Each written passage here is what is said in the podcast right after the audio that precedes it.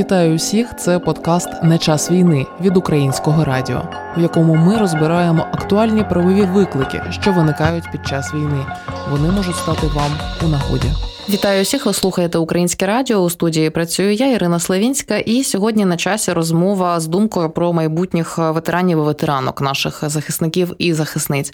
На зв'язку зі студією Ростислав Завада, начальник відділу розвитку інформаційних ресурсів, управління професійного розвитку, експертного діалогу та інновації у сфері права та доступу до правосуддя, координаційного центру з надання правової допомоги. Тож е, пан Ростислав, працівник системи безоплатної правової допомоги, і ми зможемо можемо е, одразу дізнатися всі важливі речі, які потрібно мати на увазі тим, хто сьогодні е, на передовій боронить Україну. І от е, з цього запитання розпочну: чи всі ті люди, які сьогодні на передовій захищають Україну, мають право на ось таку правову допомогу, яка не буде їм коштувати грошей, буде безоплатною? Насправді мають право на правову допомогу дуже широкий. Так потрібно спочатку виділити, що є можливість отримати первинну правову допомогу та вторинну правову допомогу. Якщо ми говоримо про первинну правову допомогу, то її в принципі можуть отримувати всі громадяни України. Без різниці, так тобто, чи військовослужбовець, чи пенсіонер, чи особа з інвалідністю. Якщо ми говоримо про вторинну правову допомогу, яка розуміє під собою е, написання процесуальних документів чи представництво е, інтересів людини в суді, то таку е, правову допомогу можуть отримати для прикладу учасники бойових дій, особи з інвалідністю внаслідок війни, е, учасники війни, е, ветерани війни і так далі. Тобто такі послуги вони можуть отримати в будь-якому нашому центрі, незалежності від місця проживання чи місця реєстрації, і відповідно. Наші працівники чи адвокати, з якими працює наша система, будуть представляти таку людину в судах або відповідно допоможуть скласти її процесуальні документи. Тобто, я думаю, всі ті, хто нас е, слухають наразі на фронті, а я точно знаю, що радіостанції суспільного мовлення дуже добре та уважно слухають наші захисниці та захисники, можуть одразу собі закарбувати такий факт, що ми не будемо говорити про якісь дуже дорогі, винятково недоступні юридичні речі. Це щось таке, що може зробити кожен і кожна з вас. І тому розпочнемо з такого базового запитання. Я думаю, воно могло би бути взагалі першим у нашій розмові. Уявімо собі е, захисницю чи захисника на фронті, які ставлять запитання, які мої права сьогодні, так якщо я воюю на фронті. Можливо, це збереження заробітної платні, можливо, щось інше. Пане Ростиславе, нагадайте, можливо, такий списочок речей, які точно гарантовані нашим захисницям і захисникам. Напевно, з того, що е, всі е, чоловіки жінки, які мобілізовані, вони е, в принципі е, під час мобілізації набувають статусу військовослужбовців. А відповідно на них е, поширюються всі права та пільги, передбачені законом України про військовий обов'язок та військову службу, про соціальний та правовий статус військовослужбовців та членів їх сімей. Е, Як ви вже зазначили, е, перш за все, це збереження робочого місця та е, середньої заробітної плати. Ця вимога поширюється на місце праці, тобто всіх видів та форм власності, тобто це є приватні якісь установи організації чи державні, неважливо. Е, ну і плюс людиною так само зберігається середня заробітна плата, тобто за кожен місяць. Е, наступне, що варто звернути увагу, це є грошове та матеріальне забезпечення. На період дії воєнного стану е, військовослужбовці, окрім того, що вони получають е, відповідну свою таку заробітну плату, яка складається з їхнього посадового окладу та певних доплат, які залежать в свою чергу від е, посади чи від військового звання. Зараз наші військовослужбовці получають додатково 30 тисяч гривень. За місяць або 100 тисяч гривень за місяць, якщо особа перебуває безпосередньо в зоні бойових дій. Е, проте тут варто е, акцентувати увагу на рахунок тих 100 тисяч, що е, особа їх буде получати пропорційно відповідно до кількості проведених днів там в зоні бойових дій. Давайте якось це пояснимо, бо я відчуваю, що я вже перестала розуміти, і думаю, так. що наша аудиторія так само не зовсім добре цю калькуляцію може провести. Отже, ми говоримо про людину, яка перебуває на фронті і може отримувати певну ну платню, заробітну платню за цю небезпечну роботу. І ви говорите, що вона може складати від 30 до сотні тисяч гривень на місяць. Правильно? Навіть більше, тому що 30 і 100 тисяч гривень це є доплата. Тобто, е, окрім того, що військовослужбовець получає свою заробітну плату, він получає додаткову цю оплату або 30, або 100 тисяч гривень, в залежності просто де він знаходиться, так чи в зоні бойових дій, чи не в зоні бойових дій. Е, Для прикладу, там е, ну, не знаю, штатний там, наприклад, молодший лейтенант, у них зарплата там е, приблизно я не орієнтуюсь точно в цифрах, але Якщо зарплата, наприклад, в нього становить там 15, 16, 18 тисяч гривень, додається ще плюс 30 тисяч гривень, і тобто, по факту, він отримує там близько 48-50 тисяч гривень. А якщо людина вже бере безпосередню участь в бойових діях, це є 100 тисяч гривень, плюс його посадовий оклад. Тобто виходить, що якщо людину, наприклад, мобілізували, і в цієї людини була зарплата в тому місці, де вона працювала, це може бути не знаю, зарплата бухгалтера чи е, якогось іншого фахівця чи фахівчині, вона зберігається, оскільки працедавець мусить зберігати заробітну платню в повному обсязі, плюс так за службу є ще певні доплати. Правильно, правильно, так. Тобто, по великому рахунку в людини зберігається зарплата з її місцем праці, плюс людина отримує заробітну плату як військовослужбовець, тому що вона мобілізована і на неї поширюються всі вимоги законодавства стосовно військовозобов'язаних, і плюс е- ця додаткова доплата. Як ця доплата виплачується? Це щось, що капає на ту саму зарплатну картку чи ні? Яка процедура? Звичайно, звичайно. Тобто, військовослужбовець, е, коли він оформляється, так стає на облік до певної військової частини. Він так само, в принципі, як кожна людина, коли йде на роботу, оформляє там відповідну банківську картку, дає свої рахунки, куди е, в принципі будуть перераховуватися його заробітня плата. І е, ця додаткова винагорода, вона разом з заробітною платою поступає на цю от карточку військовослужбовця банківську. Тобто там е, щось додатково робити не потрібно. Тобто, все комплексно приходить на карточку. Які ще права гарантовані тим, хто сьогодні служить на фронті і боронить Україну? Ну, перш за все, напевно, ем, варто згадати про права з охорони здоров'я, тобто військовослужбовці само собою мають право на медичну допомогу у всіх військових госпіталях, в незалежності там від місця проходження служби е, чи чи, чи від допомоги, яку він потребує. Е, Плюс е, люди, які мобілізовані, вони мають право на звільнення від е, сплати єдиного соціального внеску. Це е, стосується фізичних осіб підприємців, і також у разі непровадження мобілізованими фізичними особами підприємцями підприємцями підприємницької діяльності. Державна реєстрація їхнього ФОПа не припиняється, тобто вона продовжує ФОП продовжує по суті по документах діяти. Просто людина проходить службу у е, війську. Я тут одразу перепитаю, чи про це військ ті, хто служать і є фізособами підприємцями, мусять якось повідомляти податково. Бо окей, від звільнення від сплати єдиного соціального внеску це вже дуже важливий чинник, але ФОПи так само мусять платити ось цей єдиний податок. uh Ну у кожного свій залежний від групи оподаткування. Е, якщо раптом перестають надходити сплати за цей е, єдиний податок, е, як податкова дізнається, що це не уник уникнення сплати, а власне така пауза через військову службу. Е, щодо звільнення від ЄСВ і щодо неприпинення ФОПу, то там, в принципі, алгоритм одинаковий. Це просто подача заяви та копія військового квитка або копія іншого документа і зазначення даних про призов до відповідного е, там відділу податкової служби. Тобто потрібно е... сходити ногами до податкової. Так.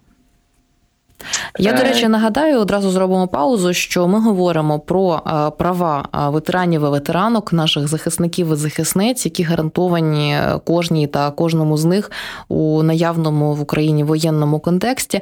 І детальніше про них нам розповідає Ростислав Завада, працівник безоплатної правової допомоги. І ми вже декілька важливих пунктів назвали. Це, зокрема, такі такі речі, як захист здоров'я, така річ, як можливість не сплачувати єдиний соціальний внесок для тих, кого мобілізували і хто є фізособою підприємцем. Про збереження заробітної плати ми поговорили, зокрема, також про доплати за ось цю службу. А от ще перепитаю окремо, як справи з трудовими правами тих, хто тепер служить. Смішне запитання про вихідні і там п'ятиденний робочий тиждень на фронті точно не йдеться. Угу. Ну, якщо ми говоримо про трудові права, тут напевно перш за все варто звернути увагу на право на відпустки, тобто, незважаючи те, що наші захисники та захисниці там під постійними обстрілами, під постійними бойовими діями, але все-таки законодавством передбачено та певні періоди відпочинку. І навіть в таких е, в таких обставинах військовослужбовці мають право на відпустку. Така відпустка може бути різних видів. Для прикладу, це може бути відпустка за сімейними обставинами чи з інших поважних причин. І Вона надається із збереженням грошового забезпечення, але не більше як 10 календарних днів. Е, але це без врахування часу, необхідного для проїзду в один кінець. І е, також відпустка може надаватися за станом здоров'я у зв'язку з хворобою або для лікування після тяжкого поранення. Ну але відповідно така відпустка дається за висновком військово-лікарської комісії. Так, це дуже важливо знати, і я пропоную продовжити нашу розмову і поговорити про те, що відбувається потім, коли людина повертається з фронту, е, уявне майбутнє після дня перемоги, коли всі повернуться додому. Що чекає на наших захисниць і захисників? Після війни можливо, якісь пільги, якісь соціальні гарантії, пане Ростиславе, розкажіть про них більше. Угу.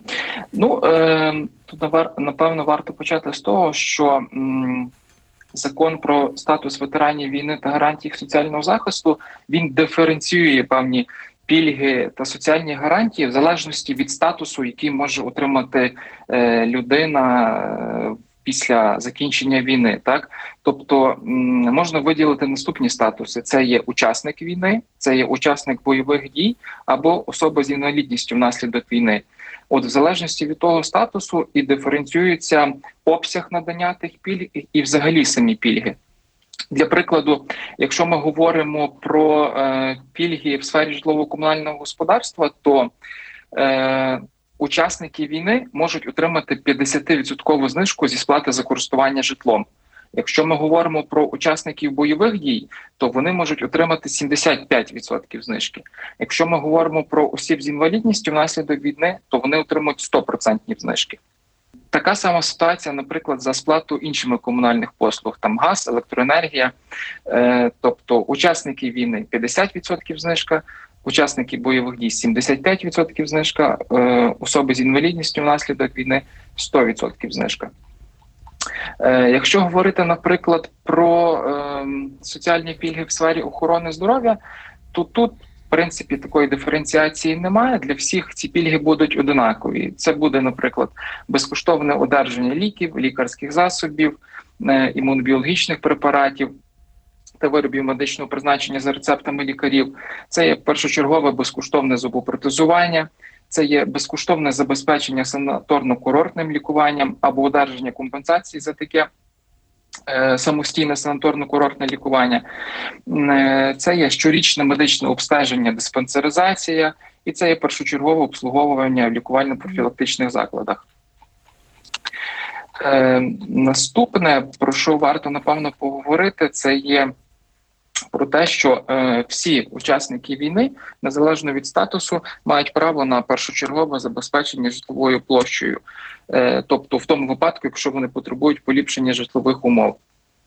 Також вони мають право на одержання позики на будівництво, на реконструкцію або на капітальний ремонт своїх житлових будинків, і першочергове право на вступ до житлово-будівельних кооперативів. Ну тобто, насправді цей перелік він доволі довгий, і ще потрібно напевно окремо згадати, що і родина, людина, яка воювала, загалом отримує низку е, певних е, можливостей соціальної підтримки. Якщо я не помиляюся, що найменше може йтися про пільги для дітей, які вступають до закладів вищої освіти. Пане Ростиславе, поправте, якщо я помиляюся. Так, ви абсолютно праві. Тобто, діти, звичайно, мають право на першочергове зарахування до таких закладів. Ну і плюс, якщо ми вже говоримо про родини військовослужбовців, то е, напевно окремою такою категорією так можна виділити там родини. М- в яких загинула е, військовослужбовець внаслідок бойових дій, вони в принципі в законі прописані як окрема категорія, яка має свої е, окремі права та соціальні пільги. Але так само, як і по всіх інших категоріях, цей список дуже обширний. Це напевно потрібно ще одну-дві програми робити окремо так для тих пільг та соціальних прав, тому що насправді перелік дуже широкий і підозрюю, що напевно навіть не всі ветерани знають його до кінця і не користуються з ним сповна. Ну так, справді є така потреба більш широкого, можливо, правопросвітництва, аби люди краще розуміли, на що вони мають право. І тут е, варто згадати ще одну дуже поширену ну, от проблему буде надто гучне слово виклик, про який багато говорили в 2014-му, коли е, чимало українок та українців е, пішли на фронт боронити Україну, і коли почали повертатися і цікавитися тими можливостями, які відкриваються після служби. І от вам, як е, працівнику безоплатної правової допомоги, я це запитання поставлю. А тим, хто нас слухає, нагадаю, що на зв'язку з українським радіо Ростислав Завада. І, от, е, пане Ростиславе, розкажіть, будь ласка, е, які документи потрібно мати на руках тим, хто хоче претендувати на певні пільги чи інші соціальні гарантії, грубо кажучи, як отримати ось цей статус учасника бойових дій, і чи це єдиний статус, якого потрібно домагатися тим, хто воювали? Ну, як я вже зазначив, так може бути три різних статуси: це, наприклад, учасник бойових дій, учасник війни чи особа з інвалідністю внаслідок війни. Якщо так е, по-простому розмежувати їх, це учасник бойових дій, це людина, яка безпосередньо брала участь в бойових діях е, не більше не менше 30 днів тобто безпосередньо в бойових діях, де проводять активні якісь бойові дії. Особа з інвалідністю внаслідок війни це особа, яка отримала інвалідність, яка пов'язана з безпосередньою участю в бойових діях. От і в залежності від того, там буде відрізнятися і певний пакет документів, і алгоритм дій. Е, Якщо ми говоримо про е, отримання статусу учасника бойових дій, то там, в принципі, є два шляхи його отримання. Перший це є через військову частину, е, до якої ви в принципі приписані, так можна сказати. А другий варіант це є самостійно подати документи до відповідної відомчої комісії. Щодо документів, то тут е, які необхідні будуть документи, це є витяги з наказів генштабу збройних сил про залучення е, вашої там частини до е, до участі в бойових діях. Це є витяги з наказу по строєвій частині про прибуття чи вибуття з районів здійснення бойових дій. Це є витяги з бойових наказів, бойових розпоряджень, бойових донесень, які підтверджують факт безпосереднього зіткнення та вогневого контакту з противником. На строк не менше ніж календарних днів, або матеріали спеціальних розслідувань за фактами отримання поранень, контузій та каліцтв. Ну і само собою до списку цих документів додається там е, ваш паспорт, е, ну тобто документи, які підтверджують вашу особу. Е, Якщо ж людина вже звільнила з військової служби і не проробила цього алгоритму, тобто не сама звернулася до комісії відповідної або не через військову частину, а вирішила зробити це через там відповідний час, там через місяць, три півроку чи через рік, то це вже робиться через е, територіальний центр соціального комплектування, або як їх по е, по іншому колись називали військомати. Е, Якщо ми говоримо, наприклад, про осіб, які отримали інвалідність внаслідок війни, е, то е, перелік документів буде наступний. Це є довідка командира військової частини про причини та обставини поранення або контузії, або травми, або каліцтва. Вона видається військовій частині. Це є е, довідка медико-соціальної експертної комісії про встановлення відсотка та причинного зв'язку втрати працездатності або встановлення інвалідності. Е, це є довідка військово-лікарської комісії або свідоцтво про хворобу. Вона видається медичним установам, де проводилось відповідне лікування, і це є витяг із наказу командира військової частини про виключення зі списків особового складу частини. А для особов е, військовослужбовців військової строкової військової служби це є копія військового квитка. Е, після утримання поранення, контузії чи каліства командир військової частини е, зобов'язаний підготувати довідку про обставини травми яку завірити власним підписом відповідною печаткою, та надати військовослужбовцю. Ці довідці мають зазначатися такі дані: це є військове звання, прізвище ім'я по батькові, рік народження військовослужбовця, дата утримання такої довідки, вид, характер, локалізація поранення, обставини утримання такої травми чи поранення. Е, дата та номер наказу командира військової частини про призначення розслідування, і вказати в цій довідці, до якого органу ця довідка скеровується.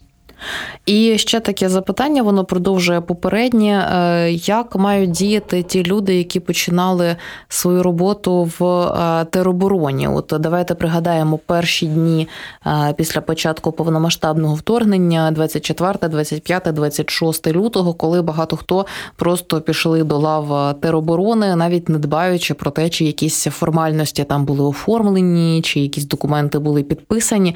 Який статус цих людей, чи ті, хто хто були і є в теробороні, теж майбутні ветерани, теж майбутні учасники бойових дій. Е, так, відповідно до законодавчих змін, е, особи, які є учасниками там тероборони, вони мають можливість отримати статус як учасника бойових дій, так відповідно і осіб з інвалідністю внаслідок війни. Тобто цей закон набув чинності, був прийнятий 21 березня, і він надає такі можливості е, учасникам тероборони. Е, Як е, алгоритм самий, який буде е, застосовуватися до таких військовослужбовців, е, наскільки я знаю, зараз розробляється міністерством у справах ветеранів, але е, він буде, тобто ці люди точно будуть попадати під дію законодавства щодо захисту прав е, військовослужбовців, і на них так само будуть е, діяти всі соціальні пільги та гарантії для військовослужбовців. Тобто про тих людей точно ніхто не забув, і вони будуть мати такі самі права, як військовослужбовці, які несуть службу там в кадрових частинах збройних сил, для прикладу. Дякую дуже за ці роз'яснення. Ми будемо тут завершувати нашу розмову. Я нагадаю, що ми е, розмовляли з думкою про майбутніх ветеранок і ветеранів, наших захисниць і захисників в ефірі Українського радіо. З'ясовували, які є можливості підтримки тепер чи в майбутньому після перемоги, після повернення з фронту для всіх тих, хто сьогодні захищає Україну. Про все це нам детальніше розповів працівник безоплатної правової допомоги Ростислав Завада. Цю розмову провела я, Ірина Славінська. Нагадаю, що ви слухаєте українське радіо. Почуємось. З вами був подкаст на час війни від українського радіо. У наступних епізодах ми будемо розбирати ще більше актуальних правових питань. Підписуйтесь, щоб не пропустити.